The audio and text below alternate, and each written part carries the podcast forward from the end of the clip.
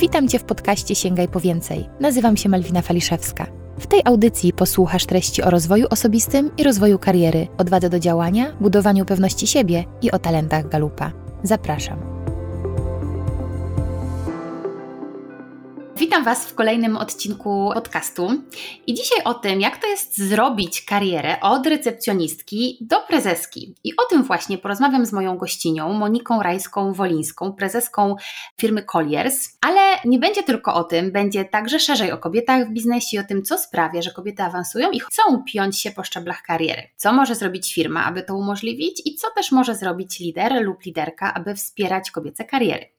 Monika została nagrodzona tytułem Female Champion of Change w 10 edycji konkursu Businesswoman Roku właśnie za działania na rzecz wzmacniania pozycji kobiet w Colliers. No i to już e, pewnie nie wszystko, co można było o Monice powiedzieć, ale ja już tym wstępem kończę i witam Ciebie, Moniko, bardzo serdecznie. Witam serdecznie Ciebie, no i oczywiście słuchaczy. Bardzo mi miło i dziękuję, że zgodziłaś się na przyjęcie tego zaproszenia.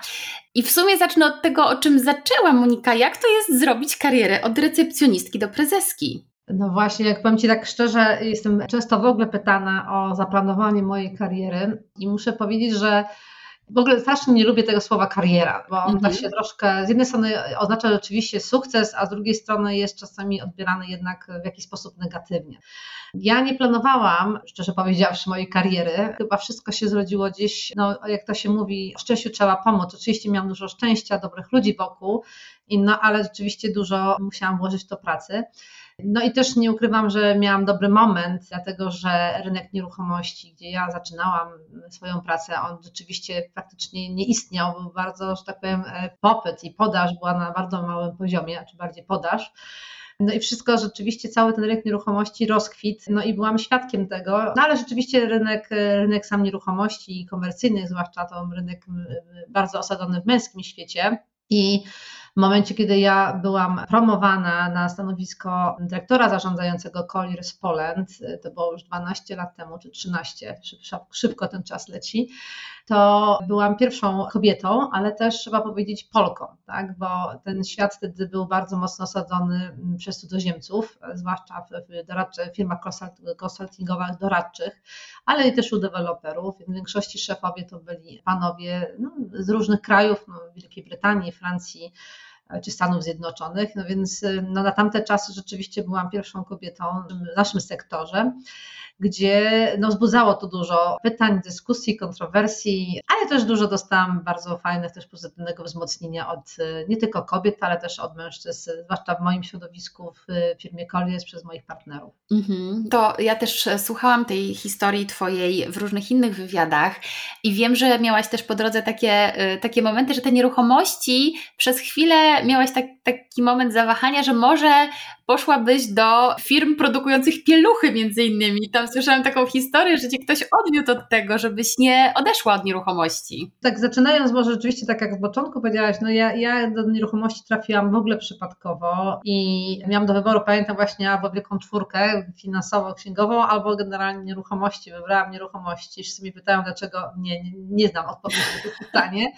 Mogę tylko powiedzieć, że pani, która mnie rekrutowała, tam czasem sprawiała lepsze wrażenie, co oznacza, że właśnie ten pierwszy moment spotkania z kandydatem jest bardzo istotny i to podkreślam, zwłaszcza u mnie w dziale People Service, czyli e, działu, który zajmuje się zatrudnianiem u nas e, osób i onboarding jest, jest istotny. E, natomiast rzeczywiście no, zaczęłam pracę w recepcji. Bardzo szybko rzeczywiście awansowałam później do działu sprzedaży mieszkań. Wtedy to była polska firma Unikat, jedna z pierwszych takich firm polskich, które świadczyły usługi na poziomie międzynarodowym. Wtedy jeszcze nie było wszystkich naszych dużych graczy, chyba tylko była jedna e, firma Hidden Baker. Natomiast później bardzo szybko awansowałam do działu komercyjnego biur. No i później był taki moment, w którym no, niestety e, prezes, wizjoner, to też kolejna taka była lekcja dla mnie, że lider jest bardzo istotnym tutaj czynnikiem osiągnięcia sukcesu przez firmę. Niestety miał wypadek. No i my rzeczywiście w tym momencie szukaliśmy jakichś różnych opcji, bo nie ma lidera, no to jest ogólna zawsze taka nerwowość, panika i, i zastanowienie się może co dalej. I dostałam pozycję rzeczywiście, e, aby pracować w firmie, która produkuje właśnie między innymi pieluchy, ale nie pieluchy, tylko różne kosmetyki. No i pamiętam, że rozmawiałam, myślę, że znamy tą firmę dobrze, amerykańską, natomiast e, do, pamiętam, że do działu właśnie marketingu nawet, czy sprzedaży. No i pamiętam rozmowę z moim bardzo doświadczonym, starszym człowiekiem, który jest bardzo mocno był osadzony w rynku nieruchomościach i rozumiał rynek nieruchomości na zachodzie i mówi coś tym, Monika, absolutnie tutaj zostań z nami, e, to jest dopiero początek, e, rynek nieruchomości się niesamowicie rozwinie, to jest dla Ciebie najlepsza szansa, żeby tutaj właśnie go zrozumieć i być od początku jego. No i rzeczywiście muszę przyznać, że Tadeusz Żurowski miał rację. Zostałam, przeszłam właśnie do innej firmy, no i już później tak się rozwinęła kariera. Nie, nie był to jeszcze Colliers, natomiast później do Colliersa trafiłam też trochę przez przypadek, wszystko dobrze, kwestia przypadku. To znaczy wchodził na rynek, był spóźniony w stosunku do innych firm, no i szukał po prostu oczywiście osoby, która rozumie rynek nieruchomości i tam e, rzeczywiście przeszłam. Też wszyscy mówią, nie, nie, to jest bardzo mała firma, nie powinnaś tam iść.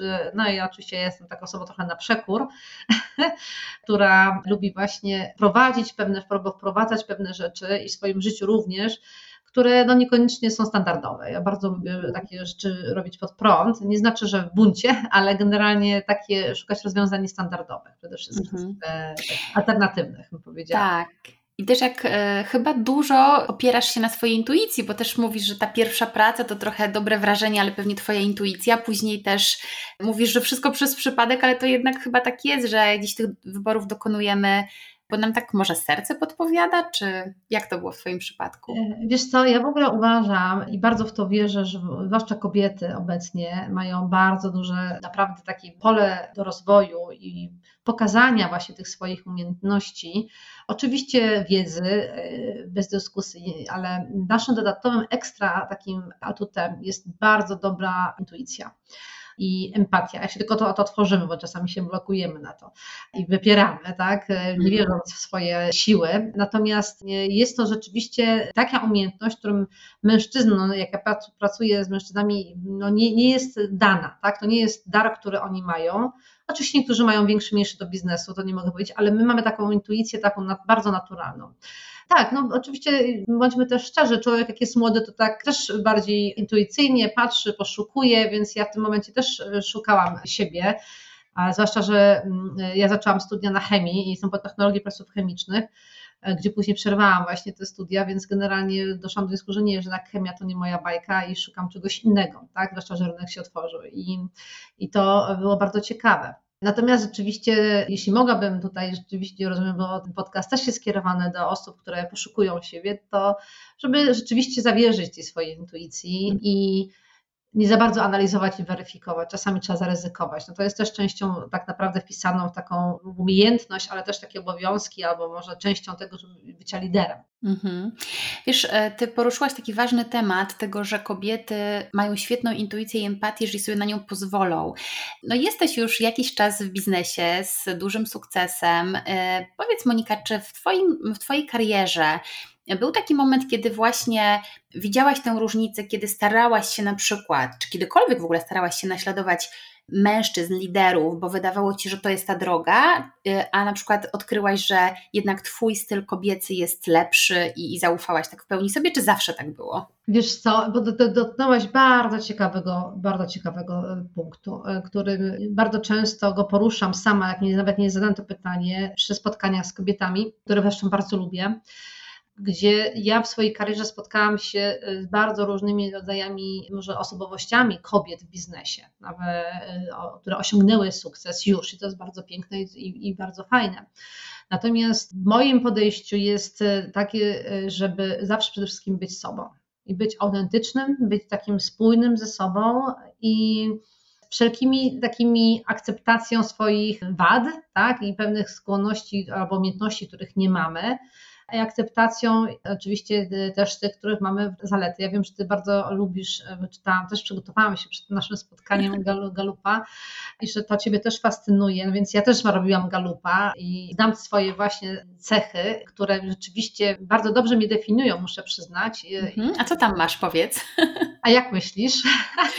Wiesz co, no nie wiem, ko kojarzy mi się często, że może tam jest jakiś stratek, maximizer może, no powiedz, bo aż tak y, nie mam takiego skalu w głowie, żeby zgadnąć. Dobrze, nie, no u mnie jest przede wszystkim bardzo silny aktywator, tak, mhm. to jest taka cecha, którą bardzo w sobie zresztą lubię, bo uwielbiam aktywować siebie i innych do działania mm, i takiego pozytywnego, nawet naprawdę od rzeczy nie tylko zawodowych, ale też czasami takich dotykających strefy prywatnej nawet. Lubię to w sobie. Myślę, że ludzie, mm -hmm. które są wokół mnie też to lubią, chociaż czasami challenge'uję oczywiście i mają dużo wyzwań. W związku z tym na przykład jestem weganką, więc generalnie teraz oczywiście prowadziłam na przykład w firmie, że nie jemy mięsa, ani ryb, ani zamawiamy generalnie ani dla firmy, dla pracowników, ani dla klientów, więc tutaj generalnie jest dużo dyskusji na ten temat, ale oni akceptują już te moje... To świetny trend, bo to też jest takie przyczynienie się do niwelowania emisji CO2, prawda? Oczywiście, więc dlatego właśnie o tej autentyczności mówię, żeby być autentycznym, że mówimy o jeździ, o prowadzaniu, rzeczywiście my to robimy, rzeczywiście my dokładnie teraz to analizujemy. Oczywiście jesteśmy na początku tej drogi, jak większość firm, ale dla mnie jest to bardzo ważne, żebyśmy byli spójni ze sobą, że jak my doradzamy klientom, musimy najpierw też od siebie zacząć. I mhm. wszelkie w ogóle zmiany, jakiekolwiek w firmie wprowadzam, no to, to zaczynam myśleć od, od siebie, tak? Co ja mogę dać dla firmy, dla danego człowieka, którym się spotykam, skupiam, czy mentora. Więc ten aktywator jest bardzo silny i zaraz za nim jest rozwijanie innych, to idzie bardzo ładnie w parze. Mhm. I e, kolejna taka moja cecha to jest optymista. No ja jestem optymistką bardzo, bardzo silną e, i wierzę zawsze, że wszystko w życiu dzieje się dla nas po coś e, i musimy tego doświadczyć. I mam też bardzo ważną taką cechę, którą moja córka właśnie mówi, że ją widać, no to jest taki czar, wiesz, to jest ten efekt. A, u, no tak. Czyli ciągle zdobywanie takiej aprobaty rozmówcy i, no ale nie tylko, tak. Ja lubię podejmować wyzwania takie związane właśnie z poznawaniem nowych ludzi. Ja uwielbiam poznawać nowych ludzi do takiego stopnia, że nawet jak jedziemy na wakacje, mój mąż jest bardziej introwertykiem i chciałby spędzić ten czas ze mną, no ja potrafię po prostu, nie wiem, do stołówkę, do, do baru, nie wiem, gdzieś i teraz albo kogoś spotkam znajomego, albo jak nieznajomego, to teraz kogoś poznam i uwielbiam po prostu satysfakcję, czerpię taką satysfakcję z przełamywania takich lodów, budowania relacji z drugim człowiekiem, zrozumienia tego drugiego człowieka, takiego wejścia, spojrzenia mu głęboko oczy, to jest człowiek. No jest, mm -hmm. jest taki jest, tak? No i staram się skupić przede wszystkim na pozytywnych cechach i wykorzystać właśnie, wydobyć z tych pozytywnych cech najlepsze, co jest możliwe. Nawet mi kiedyś mój kolega właśnie powiedział, że, że ty masz taką umiejętność takiego patrzenia na nas, w czym czy jesteśmy dobrzy i połączenia, żeby te klocki -hmm. Lego dobrze zostało wybudowane. I myślę, że mam taką umiejętność, bardzo to lubię też sobie, że jak przychodzi, nawet dzisiaj dostaliśmy zapytanie, bardzo poważny, z poważnej instytucji amerykańskiej na duży, bardzo duży projekt, no to od razu już dzwonią do mnie, do kogo byś widziała w tym y, i od razu mam taką umiejętność, a zapomniałam o tej osobie, rzeczywiście masz rację, ten, ta osoba będzie dobra. Mhm. Więc mam taką umiejętność rzeczywiście spojrzenia na ludzi tym, co jest dobrze. I to, co jest dla mnie istotne w prowadzeniu kultury organizacji, y, to właśnie Galupa zrobiliśmy w większości u nas osób i disk oczywiście, mm, ale też bardzo mocno pracujemy nad tym, żeby ludzie potrafili przyjmować feedback i odbierać go dobrze. Czyli w sensie mhm. takim, że feedback i dobry feedback, oczywiście konstruktywny feedback, żeby on był rzeczywiście mm, częścią naszego rozwoju. Tak? My się nie zmienimy jako osoby, to nie ma, e, nie ma oczywiście dyskusji. Ja też nie chcę ludzi zmieniać, tak? a ja chcę tylko, żebyśmy mieli świadomość naszych tych mocnych stron, słabszych stron i takiego e, być może zrozumienia samego siebie w sytuacji, zwłaszcza kryzysowej, nerwowej, gdzie są jakieś pewne nieporozumienia, no bo one będą, tak? Mhm. Takiego partnerskiego rozmawiania, tak? Więc to jest, no to jest proces, to jest bardzo, bardzo, bardzo długi proces, e, no, którym my jesteśmy obecnie, tak? No to jest ten temat chociażby, no sama wiesz, diversity inclusion, który jest mocno teraz w firmach wdrażany, niektórych niestety tylko na poziomie no, odgórnej. Ja wierzę, że wszystkie projekty muszą iść oddolnie również. Zresztą widzimy teraz, tak, jesteśmy świadkami, jak oddolne, wspaniałe inicjatywy są przy pomocy uchodźcom z Ukrainy i one są naj, naj, najlepsze, bo one są rzeczywiście najbardziej efektywne i one przynoszą szybkie rezultaty. Mhm. Zgadzam się, mówiłam, że będę gadała. Tak, ale super, wiesz co, w ogóle mi się już uruchomiło bardzo dużo powiązań z tego, co mówisz. Po pierwsze aktywator i U, czyli czar, to są też moje talenty, positivity też mam niżej, ale jak mówisz o tym właśnie czarze plus e, deweloper, który właśnie odkrywa, to to jest e, w ogóle niesamowite, jak e, fajnie, jak ludzie znają te swoje talenty, jak umieją je doceniać, bo ty ewidentnie mówisz tak o nich, że je też świetnie rozumiesz i wiesz, kiedy je wykorzystujesz, to jest w ogóle świetne. Myślę, że to w ogóle bardzo pomaga, szczególnie myślę kobietom, które mają niestety jeszcze za często tendencję do niedostrzegania w sobie tych mocnych stron. Czasami szukamy tych talentów nie wiadomo gdzie, a tak naprawdę one są naszą codziennością, naturalnym potencjałem, więc, e, więc super, fajnie, że, że też tak fajnie o nich opowiedziałaś. No, Michelle Obama już też mówiła o takim syndromie oszusta, tak? Czyli, że nie wiem, czy słyszałaś o tym, tak, że. Tak, tak, tak, oczywiście. Jak, jest, jak jest, y, składamy, jest oferta pracy atrakcyjna i my składamy, zanim złożymy, my jako kobiety w ogóle swoje CV, no to sprawdzamy, czy 100% rzeczywiście jesteśmy w stanie pokryć wszystkich wszystkie wymagania. Zanim wyślemy, tak? Przy czym mężczyźni tego nie robią, po prostu wysyłają. Ja trochę mhm. tego doświadczyłam, muszę Ci powiedzieć, w momencie, kiedy zostałam promowana na, na, na szefa, na Coliersa, ja się przed tym bardzo broniłam. Jak tam słuchałaś pewnie tych podcastów, to to. to tak, to wiem, że nie chciałaś jej przyjąć tej, tej roli. Tak, nie chciałam przyjąć tej roli. Ja bardzo specjalnie i świadomie o tym też mówię, bo często jak mentoruję kobiety, to jest to nagminne, muszę Ci powiedzieć. I to się nadal nie zmienia, mimo tego, że się o tym mówi i że stwarza y, dobre środowisko dla kobiet, jednak nadal, nadal jest, jest takie poczucie, że a ja naprawdę rzeczywiście wystarczająca nie jestem dobra na to, żeby, żeby być tym szefem.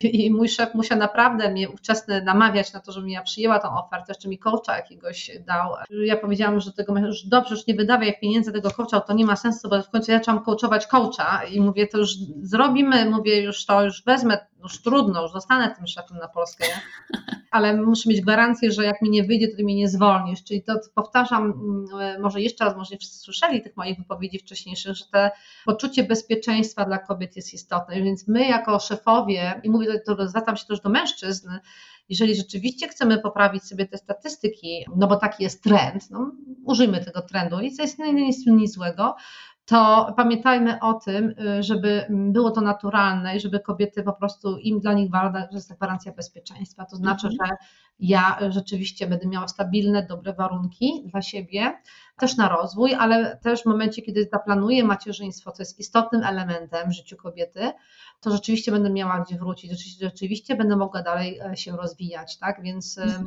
więc to poczucie bezpieczeństwa jest istotne. No ale ten przykład też jest dobry na to, żeby się oczywiście dziewczyny nie bać, słuchajcie, bo no, dałam radę.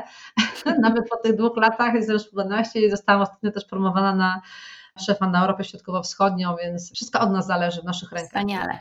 Gratulacje. To też jest tak, e, serce rośnie, że coraz więcej nas, że przestajemy być takim wyjątkiem. E, ja tak pomyślałam sobie kiedyś, że ta sytuacja się unormuje i to będzie wreszcie normalnie, kiedy w momencie, kiedy kobieta mm, zostaje szefową albo liderką jakiejś dużej branży, przestaną być takie nagłówki w gazetach pierwsza kobieta albo kobieta na szczycie firmy, tak? Bo jak mężczyzna zostaje na szczycie jakiejś firmy, to nagłówki w gazetach nie brzmią mężczyzna na szczycie tam organizacja. Jak kobieta zostaje, to ciągle jeszcze jest to taka sensacja i pomyślałam sobie, że ja dużo o tym w ogóle myślę, to jest taki temat, którym się bardzo też pasjonuję, to, to myślę sobie, że no, kiedy to znormalizujemy i będzie po prostu imię, nazwisko, została szefową, czy została liderką, czy została CEO, no to myślę, że wtedy już to będzie takie bardzo bardziej normalne. E, a na razie jeszcze. No, mamy... tak samo jest, przepraszam, że ci przerywam, tak samo jest e, no, w naszej branży my mamy takie, uwielbiamy wręczać sobie nagrody za najlepszy budynek biurowy, magazynowy, centra handlowe, mm. no i mhm. oczywiście też najlepszego doradcę. No i oczywiście jest e, Personality of the Year, ja zresztą muszę przyznać, że dostałam taką nagrodę, też jako jedna z, pierwszych kobiet na Europie Środkowo-Wschodnią, to było takim bardzo dużym zaskoczeniem, bo to było w pierwszych moich trzech latach, po trzech latach bycia w tej roli. Tego się rzeczywiście nie spodziewał, na pewno nie ja. Natomiast pamiętam, że później pomysł powstał, żeby w ogóle zrobić nagrodę właśnie najlepsza kobieta na rynku nieruchomości. Byłam mhm. pierwszą osobą bardzo przeciwną temu, ale dlatego, że no właśnie tak dokładnie to, o czym mówisz, dlaczego mamy mieć osobną nagrodę dla kobiety w nieruchomościach, a nie po prostu no, najlepszy człowiek roku, tak? Mhm. Jeżeli kobieta wygra, że miała rzeczywiście równe szanse. Dokładnie tak, tak to jest, ale to idzie ku dobremu. Idzie ku tak. dobremu. Mówisz o konkursie Top Women in Real Estate, tak? Nie, mówię to jeszcze zanim przyszło Top Women, wiesz, e, były konkursy inne, są, u nas jest dużo konkursów, dużo mhm. organizowanych i właśnie tam był taki pomysł, żeby, żeby to stworzyć. I później przyszło Top Women, a to jest osobna oczywiście mm, organizacja, która wspiera w ogóle kobiety na rynku nieruchomości, to jest ok, tak? Natomiast mi chodziło, że w ramach w ogóle tych wszystkich mhm, nagród, tak stworzenie osobnej nagrody tak, dla kobiety, dla kobiet. kobiety, kobiety roku. Wiesz co, no może to jest taki e, okres przejściowy, też e, często o tym dyskutuję z różnymi osobami i, i jakby też zdania są podzielone. Czy potrzebujemy osobnych kategorii, czy właśnie wręcz przeciwnie. I tutaj zdania są podzielone, bo niektórzy twierdzą, że no te osobne kategorie to uwydatnianie, pokazywanie, zwiększanie szczególnie widoczności kobiet jest potrzebne, żebyśmy miały dobre role models, żeby inne kobiety miały też takie kobiety, których, od których mogą się uczyć, żeby to nagłaśniać, pokazywać i przełamywać właśnie bariery, bo może kiedyś to nam wreszcie nie będzie potrzebne, prawda? Tak jest, tak jest. No ja to też rozumiem, absolutnie. Tak jak mówię, ja wspieram kobiety bardzo, natomiast wydaje mi się, że ważne jest, bardziej rozmowa ze środowiskiem, aby stworzyło rzeczywiście te warunki, żeby kobiety mogły być promowane w ogóle. I to, mhm. to jest przede wszystkim istotne i nie tylko sztucznie,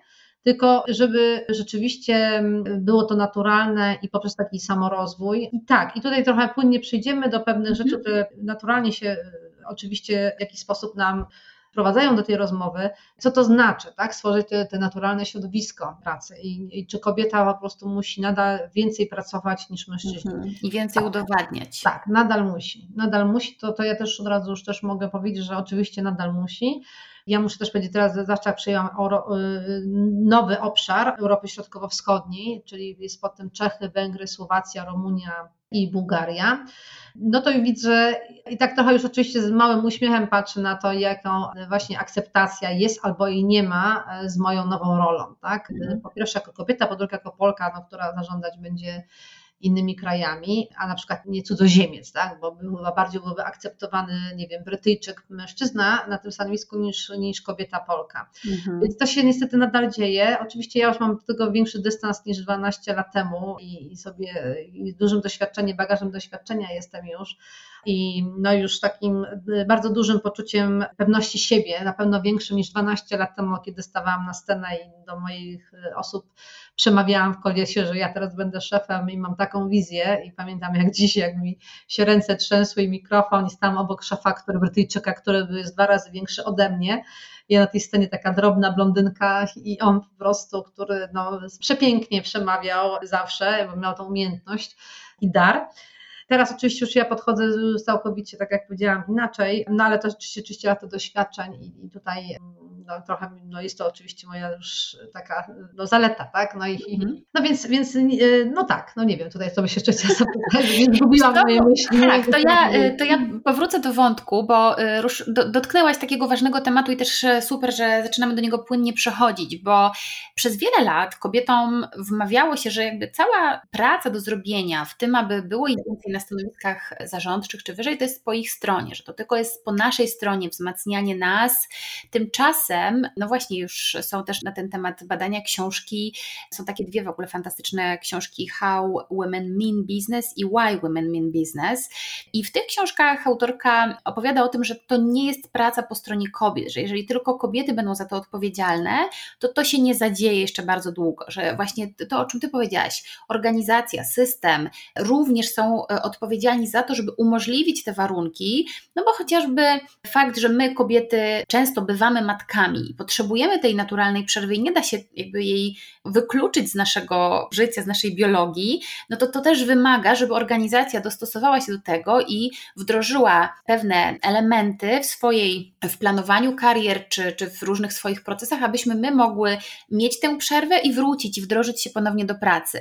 I ty Monika, między innymi jak zostałaś szefową Colliers, to też dostałaś, znaczy później, chwilkę później dostałaś nagrodę właśnie w dziesiątej edycji e, konkursu Businesswoman Roku jako Female Champion of Change, czyli kobieta, która e, pozytywne zmiany czyni na rzecz innych kobiet. Powiedz, co się zadziało, co ty zrobiłaś, jak ty zaczęłaś zmieniać organizację, że rzeczywiście po tym, jak ty zostałaś liderką, tych kobiet rzeczywiście za, zaczęło być więcej na wyższych stanowiskach. E, dokładnie tak jak mówisz, no, potrzeba rzeczywiście takich konkretnych działań, tak? I wciąż tak wielu osobom wydaje się, że to macierzyństwo wiąże się taką z przerwą w karierze, przez którą kobiety nie mają równych szans w rynku pracy. My w Koliersie od początku, jak przejęłam nową rolę, podjęliśmy decyzję, że wspieramy w ogóle rodziców, w ogóle wspieramy środowisko takie rodzinne. I znowu to jest ta autentyczność i taka naturalność, bo ja sama dwójkę dzieci urodziłam i wiem, że to nie jest łatwe do pogodzenia e, i to trzeba sobie też, też głośno o ten temat mówić, ale dlatego od razu oferowaliśmy, oferowaliśmy mm, dodatkowe gwarancje, że można do nas wrócić, tak? Do, zwłaszcza dla kobiet, że można do nas wrócić po macierzyńskim, Oczywiście dla firmy jest to wyzwanie, bo trzeba ich znaleźć albo zastępca, bo ułożyć inaczej procesy, ale my powiedzieliśmy, że my chcemy te warunki pracy kobietom takie stworzyć, żeby one miały to poczucie, o którym Ci powiedziałam na początku, bezpieczeństwa. I dlatego wspieraliśmy, ale też rodziców obojga, obojga płci w tym ważnym czasie i oferowaliśmy jednym z pierwszych, z pionierów, bo teraz już jest hybryda, to już dla wszystkich to jest takie naturalne, ale jeszcze 12 lat temu to nie było naturalne, czyli nie było to, że można było elastyczne godziny pracy, czyli od razu wprowadziliśmy, że dodatkowe dni urlopu daliśmy tak. dla rodziców, w tym dla mężczyzn również, żeby była sprawa jasna. Taki to był ewenement. W ogóle wiele osób mi opowiadało, że zazdrości, że właśnie w Colliers rodzice mają dodatkowe dni urlopowe, co na tak. pewno nie było takie, no to było wow moim zdaniem i nadal myślę, że jest. Nadal jest, aczkolwiek widzę, że teraz już y, oczywiście firmy walczą o talenty bardziej niż 12 lat temu, tak, i poszukują nowych benefitów. Widzę, że już dziś w tle się toczy rozmowa, że to będą te dodatkowe benefity, które my już od wielu lat e, rzeczywiście prowadzaliśmy. To, co było dla mnie ważne y, do przekazania moim pracownikom, żeby wiedzieli oni, że zależy nam takim, żeby mieli taki balans między życiem zawodowym, osobistym, to jest bardzo trudno osiągnąć i nawet dzisiaj my dostajemy, robimy co roku ankiety zaangażowania pracowników globalnie. My robiliśmy to w ogóle sami w Polsce na początku, zapoczątkowaliśmy sami, bez jakichś globalnych instrukcji, a dlatego, że ja przejęłam biznes i zastanawiałam się, co ja tak naprawdę chcę, to moim takim marzeniem było, ja sobie jakie jest moje to marzenie? Powiedziałam, że moim marzeniem marzeniem jest to, żeby nasi klienci, oprócz tego, że wiadomo, że mamy wiedzę merytoryczną, że my znamy rynek nieruchomości, że mam profesjonalistów, to wszyscy konkurencja cała mówi, to żeby oni mieli przyjemność pracy z nami, po prostu, bo to jest przy transakcjach spędza się wiele godzin, a co za tym się, żeby z nami, to żeby były osoby, które są naturalnie szczęśliwe i mają taką e, dobrą aurę. Dobrą aurę, dobrą radość do tego, co robią. Tak? Moim zadaniem jako lidera było stworzenie takiego środowiska, żeby rzeczywiście oni tak się tutaj dobrze czuli. Ja nie ukrywam, największą moją nagrodą, którą oczywiście dużo nagród dostałam w swojej karierze, natomiast największą taką moją nagrodą jest nagroda, gdzie dostaję ja najlepszy pracodawca roku, dostaliśmy dwa razy z rzędu na bazie właśnie zaangażowania pracowników. W tym roku dostaliśmy jako inwestor w kapitał ludzki, e, bo nasze zaangażowanie było na poziomie około 86%. I to jest taka nagroda od pracowników, no, no, no, której no, nie da się kupić, no, nie da się gdzieś, nie wiem, dyplomować, tak? To po prostu mhm. rzeczywiście ludzie oceniają ciebie jako lidera firmy, jaką warunki stworzyłaś. I fajnie jest, że właśnie ten początek, który zapoczątkowałam, wprowadzenie tego programu, rzeczywiście e, działa aczkolwiek nawet po 12 latach cały czas dostajemy informacje w tych badaniach, że ten balans jest zaburzony, czyli mimo tego, że my stwarzamy warunki, nie, nie ma tych godzin raz w pracy, no oczywiście u nas klienci też wymuszają zaangażowanie, wiadomo, ale to nasi pracownicy często regulują e, ten, ten poziom zaangażowania w daną transakcję, no i klienci oczywiście, Natomiast jest to nadal jednak bardzo ważny element naszej dalszej strategii, żeby nasi pracownicy mieli jednak zachowaną mhm. dobrą proporcję pomiędzy pracą zawodową a, no, a częścią prywatną. Tak? Więc bardzo lubię, że tak powiem, stwarzać takie środowisko, bardzo lubię z nimi rozmawiać, e, z moimi pracownikami. Mam dużo teraz młodych ludzi, do nas przychodzą. Ja wdrożyłam też takie e, spotkania, y, y, teraz przez, przez COVID trochę musiałam to wstrzymać, ale wrócę do tego, żeby poznawać też w ogóle opinie młodych osób, które do nas przychodzą, mhm. bo bardzo często my jako liderzy też trochę odfruwamy, to jest bardzo łatwo odfrunąć, bo ja też miałam taki moment, że już jestem na samej górze i tylko tą strategię układam, a i traci się troszeczkę taki vibe y, tego, co się dzieje w firmie, tego, co dzieje się mm, z pracownikami. Więc stąd uruchomiłam właśnie takie spotkania 20-minutowe z, z tymi, którzy chcą się ze mną spotkać, a, a lubię przede wszystkim też chodzić po biurze i wszyscy wiedzą, że jak jestem w biurze, to robię takie kółko i albo zaczepiam, ale generalnie już słychać, że jestem w biurze. lubię być blisko tych osób, widzieć co się dzieje. Wykorzystujesz swój talent czar w praktyce po prostu i to jest też to galupowe, to właśnie uwielbia kontakty z ludźmi. Monika, powiedz jeszcze, no, czy ty planując to, co chcesz zrobić jako liderka mm, zarządzająca firmą, czy czerpałaś też ze swoich doświadczeń, myśląc, co mi przeszkadzało albo co mi pomagało w karierze i co ja chcę dla innych kobiet zrobić? Bo, bo tak się ewidentnie stało, że tych kobiet w Colliers na wyższych stanowiskach zaczęło być więcej. Kiedy ty się pojawiłaś, co takiego zrobiłaś, że to jest, się jest, jest dobra proporcja pół na pół, nawet, nawet ostatnimi czasy w statystykach mamy więcej kobiet, bo, bo liczymy to na nie tylko na poziomie członków zarządu czy partnerów, tyle również na poziomie w ogóle menedżerskim. Myślę, że to na, na, na, kilku poziomach nie było to robione pewno sztucznie, nie było tak, że my musimy tylko mieć kobietę, to od razu mówię. I takie są instrukcje też e, dla naszego działu, który rekrutuję. Bierzemy osoby najlepsze, naprawdę. E, może naturalnie, nie wiem, kobiety się do nas zgłaszają, bo wiedzą, że te warunki u nas są właśnie takie, o których już wspomniałam, więc mamy rzeczywiście dużo kandydatów e, kobiet. Bardzo ważne było dla mnie uruchomienie mentoringu. Ja sama też byłam mentorem, ale też uruchomienie u nas takiego mentoringu, to znaczy wysyłaliśmy nasze kobiety zdolne do tego, żeby były w różnych programach mentoringowych i w ogóle jestem w ogóle ambasadorką, ale też bardzo absolutnie uważam, że mentoring jest coś, coś, coś wspaniałego, więc też radę wszystkim dziewczynom, kobietom, które jeszcze nie miały mentoringu, a jest naprawdę kilka stowarzyszeń, do których można się naprawdę zgłosić, to nic nie kosztuje na, na, na, na to, żeby być menti. Więc y, myślę, że mentoring bardzo dużo też zrobił i też takie spotkania właśnie tutaj nasze wewnętrzne z kobietami, żeby się rzeczywiście rozwijały, tak? Y, I nie bały się e, sięgać no, po marzenia. W tych marzeniach trzeba jedyne, zawsze mówię uczciwie, pamiętać o tym, że wymaga to zaangażowania i wymaga to pracy. Y, I nawet jeżeli ja będę starała się o balans i tworzenie nam balansu, jest taki moment y, zawsze w życiu, mężczyzny czy kobiety, jeżeli my się na czymś chcemy rzeczywiście mm, skupić, jeżeli jest taki moment, w którym my chcemy coś osiągnąć, to dotyczy nie tylko biznesu, ale na przykład y, wyobraźmy sobie, nie wiem, aktorów, muzyków na przykład, tak, czy w każdym zawodzie, wymaga to od nas jeszcze większej koncentracji i pracy y, i dlatego e, ja na przykład, kiedy ja byłam promowana na stanowisko szefa na Polskę, to rzeczywiście rozmowę odbyłam z rodziną, rodziną, z pełną świadomością, wtedy mój syn miał e, lat no, pod macierzyńskim e, praktycznie pół rok, tam rok, dwa miesiące, a córka cztery czy pięć, czyli miałam małe dzieci, e, że będzie to wymagało od, ode mnie i od mojej rodziny no jednak dużo pracy wspólnie i cierpliwości i dobrego ustawienia logistycznego, żeby jakoś funkcjonować. A i nawet przy najlepszych moich naprawdę rzeczywiście zdolnościach planistycznych i organizatorskich, które też mam, okazało się, że kryzysy były, tak? No bo pierwsze trzy lata muszę powiedzieć, i to często też mówię, no niestety były wyjęte z mojego życia prywatnego, dlatego że rzeczywiście poświęciłam się budowaniu wizji i strategii tego mojego dreamu e, firmy, no, która zresztą dzisiaj rzeczywiście jest i osiąga bardzo duże sukcesy i ma wspaniałą kulturę organizacji. Natomiast rzeczywiście coś poświęciłam i to trzeba też o tym mhm. mówić. No i ta droga na szczyt, o której często mówię, ona jest tam czasami no, bardzo często samotna. I to są takie wyzwania, których trzeba mieć świadomość. Dlatego ten mentoring jest o tyle fajny, żeby kobiety, jak podejmują tę decyzję, to było takie świadome, że one były rzeczywiście przygotowane mentalnie, psychicznie, fizycznie, ale też, ale żeby się tego nie bały, tak? Bo że nie będziemy o tym mówić i nagle rzeczywiście albo będą się bały i, i tego nie zrobią, albo generalnie zrobią i no, będą odczuwały jakąś porażkę, bo nie były przygotowane, to też nie jest dobre. Tak? Więc dlatego wydaje mi się, że ten moment mentoringu jest bardzo, bardzo istotny. To też tak normalizuje, prawda? Bo mentorka bardziej doświadczona mówi, bo ona już przez to przeszła i też normalizuje to, że to jest normalne w pewnych sytuacjach. Pokazuje ci, że to cię czeka.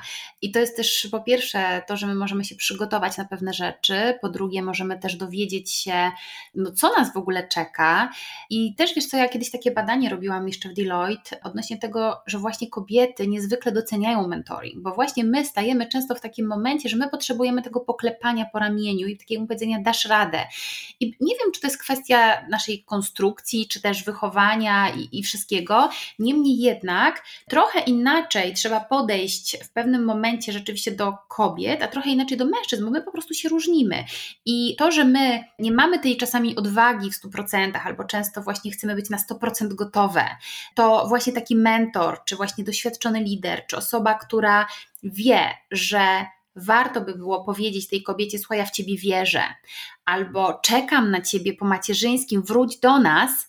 To są takie małe rzeczy, prawda? A z drugiej strony mogą czynić tę kolosalną różnicę, bo nawet jak sama powiedziałaś, że mówicie kobietom, że jest dla nich miejsce w organizacji, przecież to nie jest jakiś wielki, skomplikowany proces, to jest kwestia decyzji po stronie lidera, szefostwa, że my chcemy to mówić i rzeczywiście w to wierzymy, bo tak jesteśmy skonstruowane jako kobiety, mamy mniejszy na pewno apetyt na ryzyko generalnie i potrzebujemy tego poczucia bezpieczeństwa. A z drugiej strony myślę sobie, że z perspektywy organizacji to też jest tak, że inwestujemy w rozwój super talentów. To jest naturalne, że w pewnym momencie kobiety zachodzą w ciążę.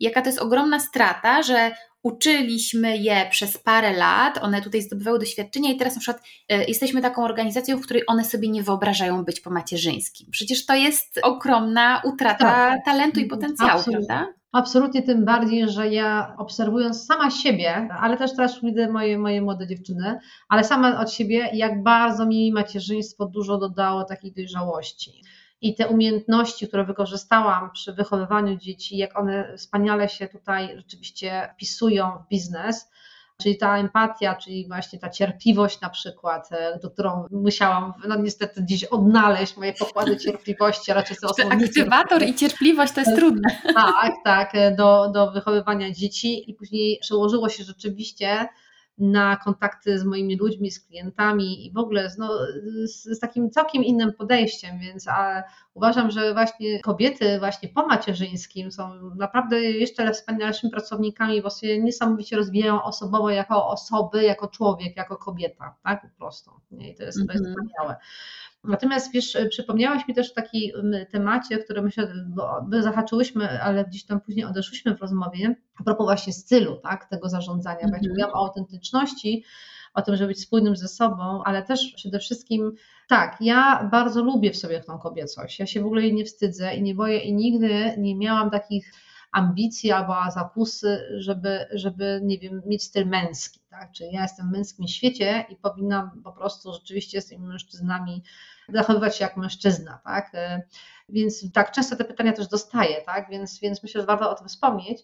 Wydaje mi się, że nie jest tym nic złego, że jestem kobietą w biznesie. My się zresztą naprawdę bardzo osadzonym męsko. Jeszcze tutaj jego w Europie Środkowo-Wschodniej nie widzimy i w Polsce bo rzeczywiście nie tylko ja dałam takie, stworzyłam warunki dla rozwojów, ale na szczęście na naszym sektorze jest coraz więcej wspaniałych kobiet, które osiągnęły już sukces, na stanowisku europejskim, właśnie jak Ania Duchnowska w Funduszu Inwestycyjnym Invesco, czy Kasia Zawodna, która jest prezesem na Europę i wiele innych kobiet, które znam, rzeczywiście są, są na takich stanowiskach.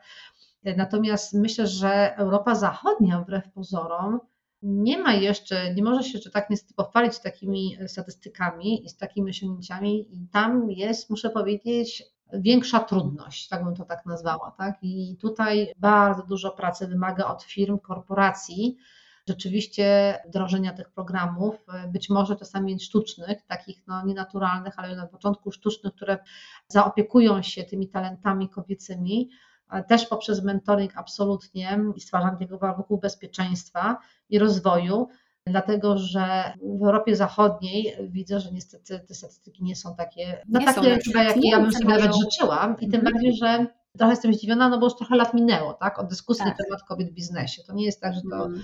jest jakiś temat tegoroczny, to jest temat już, myślę, że co najmniej takich ostatnich pięciu lat bardzo, bardzo, bardzo mocno artykułowany i podkreślany. No niemniej jednak ja nie widzę aż tak bardzo dużych zmian niestety w biznesie tak. w Europie Zachodniej. Mhm. W ogóle Niemcy są bardzo nisko w statystykach, nawet nie Tak. wiem, czy osiągają 10% kobiet w zarządach. Wydaje mi się, że nie. Wydawałoby się, że często się oglądamy na te kraje zachodnie, myśląc, że tam to jest lepiej, natomiast my naprawdę staramy się odrabiać nasze lekcje, myślę. I sama powiedziałaś, że to i tak idzie powoli, prawda? Że tyle lat już minęło, tyle lat wydawałoby się, że chyba o kobietach w biznesie, o kobietach na wysokich stanowiskach wszystko zostało już powiedziane, a jednak wciąż e, brakuje też tej równości takiej w pełni, ale no na szczęście jest coraz więcej kobiet na stanowiskach, które są sobą. I jakby z mojej perspektywy to jest w ogóle kluczowe, żeby być sobą i nie zmieniać się w kogoś innego, no bo jeżeli jesteśmy takie wynaturzone, w sensie właśnie udajemy mężczyznę, a nim nie jesteśmy, no to wtedy dla tych innych kobiet, które są niżej, to nie jest atrakcyjne. One nie czują, nie identyfikują się. One sobie myślą, jak ja mam być taka jak ta kobieta, która no jest taka, nie wiem, męska, taka jakby niepasująca może do, do tego, jaka ja jestem, to może ja nie chcę tam być, może tam dla mnie nie ma miejsca. Jeżeli widzimy kobiety, które się realizują, spełniają, które też są sobą, to też otwiera moim zdaniem. Wiesz, ja dostałam pytanie, pamiętam kiedyś na jednym spotkaniu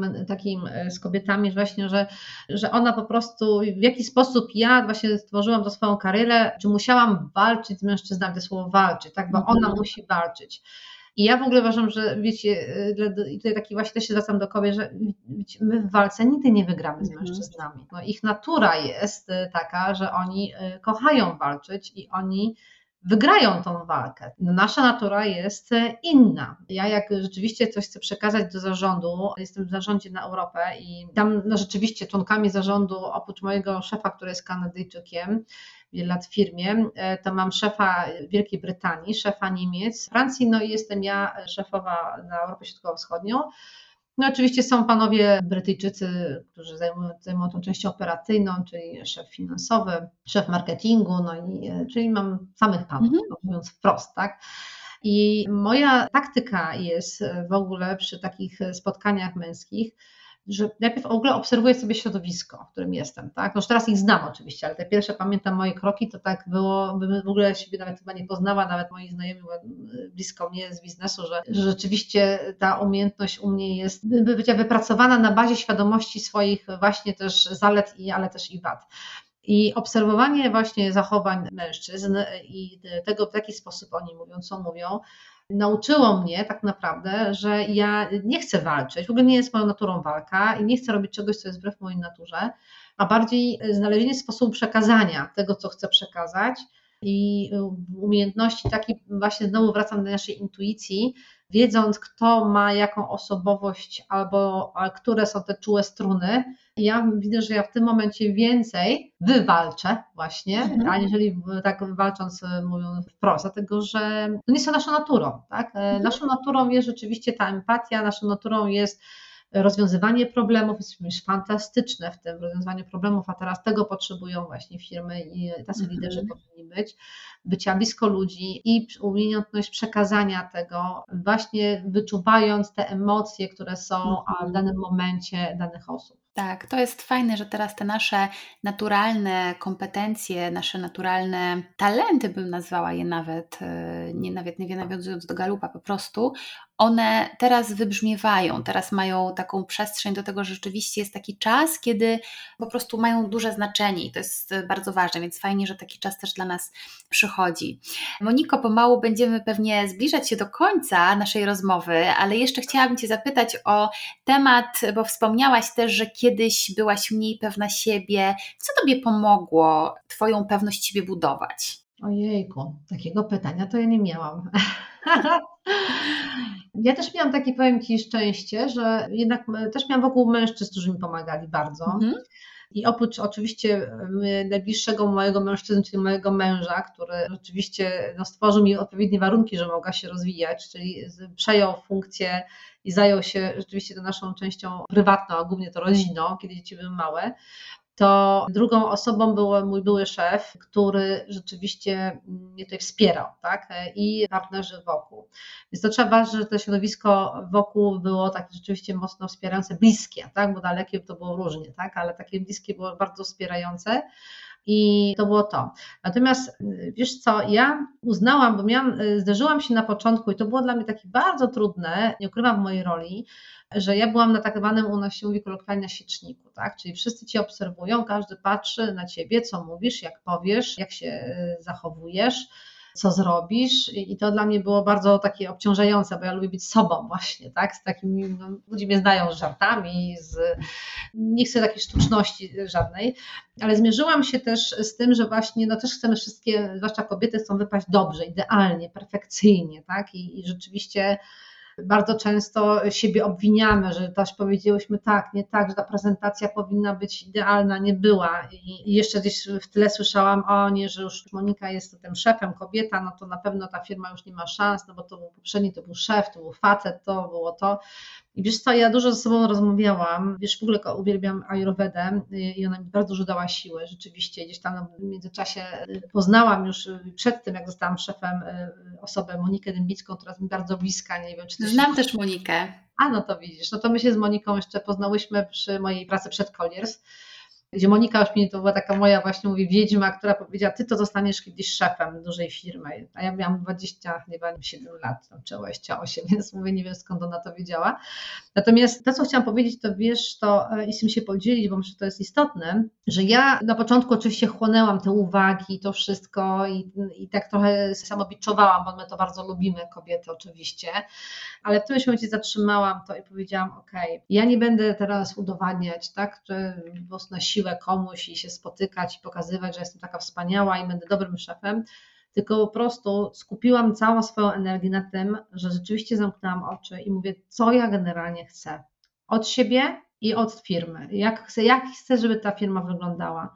I tak dosłownie, nie tylko chodziło mi o dane liczbowe, tak, czyli przychód, zyski, tylko co ja chcę stworzyć w ogóle, tak, jaką kulturę organizacji, jakich ludzi chcę mieć dokładnie, jakie te wartości, oprócz tych korporacji, które mamy oczywiście, ale co my chcemy tutaj.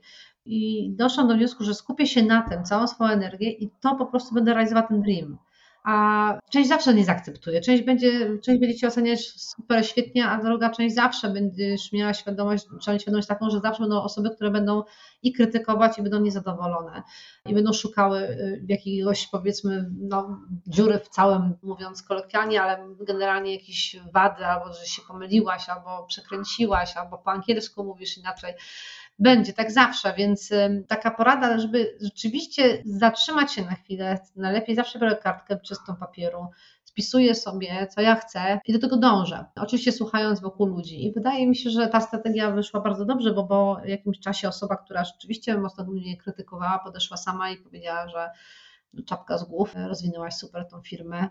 No i rzeczywiście y, jest oprócz tego, że masz ludzi wokół siebie bardzo profesjonalnych, oni są z Tobą bardzo długo, bo tutaj muszę podkreślić, że osoby, które są na najwyższych stanowiskach, są ze mną no, praktycznie no, od początku, tak, więc czyli ktoś, kto przychodzi się ze mną zwiąże, to raczej jest na dłużej. I to jest też bardzo fajne, że tworzymy mhm. wspólnie taką dobrą atmosferę i możemy siebie liczyć. No, w sytuacjach jak był COVID, tak, gdzie było ciężko i się bardzo szybko zmobilizowaliśmy i też y, był bardzo jasny przekaz, na przykład do młodych ludzi, którzy dopiero nie znali mnie z kolei, bo jest część osób, które bardziej mnie znają, bliżej są osoby, które mnie nie mniej znają, gdzie dostałam na, na, spotkaniu właśnie takim jeden na jeden informację, że wiesz co, że bardzo dziękuję, bo ty mi dałaś takie poczucie w czasie COVID-u takiego bezpieczeństwa znowu, tak? Mhm. To mężczyzny tym razem, że było to wszystko bardzo transparentnie przekazane, co jesteśmy, jakie scenariusze nas czekają, i że wszystkie ręce na pokład, e, bo chcemy rzeczywiście dalej kontynuować no, ten sukces firmy. I to było bardzo fajne. I rzeczywiście, mhm. bo, e, bo też różne scenariusze były wdrożone, rzeczywiście ja was założenia, że jak ktoś obiecuje, to chcę to rzeczywiście dostarczyć, tak, mówiąc mm -hmm. wprost. A jak się nie udaje, to mówię też wprost, gdzie jesteśmy raczej. I to jest znowu, widzisz, zaczęłyśmy od tej transparentności, autentyczności i pewnie już kończymy, patrzę, e, ale to jest bardzo ważne. No tak, bo to są takie rzeczy, które są też kluczowe. Jeżeli one są, myślę, to też jak rozmawiam z różnymi osobami, wiesz, mam wrażenie, że osoby, które mają takie wartości swoje stałe, które rzeczywiście stawiają na autentyczność, na transparentność, to te osoby, nie chcę powiedzieć, że osiągają sukces, bo to nie tylko o to mi chodzi, ale one zjednują sobie ludzi też i zjednują sobie też, zdobywają zaufanie. A jak wiemy, to ludzie też pozwalają nam osiągać sukces. Sama powiedziałaś o osobach, które w ciebie uwierzyły, które dały ci szansę. Ty oczywiście z tej szansy skorzystałaś, bo to nie jest tak, ale ale myślę, że, że to zaufanie takie długoterminowe, budowanie relacji jest niezwykle ważne, to przecież bez autentyczności nie jest możliwe, więc tak w sumie klamrą zamknęłyśmy od, tak od, od autentyczności. Moniko, bardzo serdecznie Ci dziękuję za tę rozmowę, było mi niezwykle miło Ciebie gościć, jestem bardzo zadowolona i szczęśliwa, że miałyśmy okazję porozmawiać, że więcej kobiet też i mężczyzn zaczerpie z Twojego cennego doświadczenia i że jesteś też super inspiracją do tego, że można i też nie owijasz bawełnę, że to jest wszystko super kolorowo i usłane różami. Sama mówisz o tym, że po prostu są chwile, kiedy trzeba zakasać rękawy, kiedy jest trudno. Także dzięki Ci za, te, za tę godzinę autentyczności i szczerości. Bardzo Ci dziękuję Malwina, dziękuję za zaproszenie. Dzięki. A Was zapraszam do podzielenia się tym odcinkiem, a także do odsłuchania kolejnych podcastów. Trzymajcie się. Pa. Jeśli podobał Ci się ten odcinek, udostępnij go znajomym. Zasubskrybuj mój kanał, jeśli chcesz być na bieżąco z tematami, które poruszam. I powodzenia w Twoim sięganiu po więcej.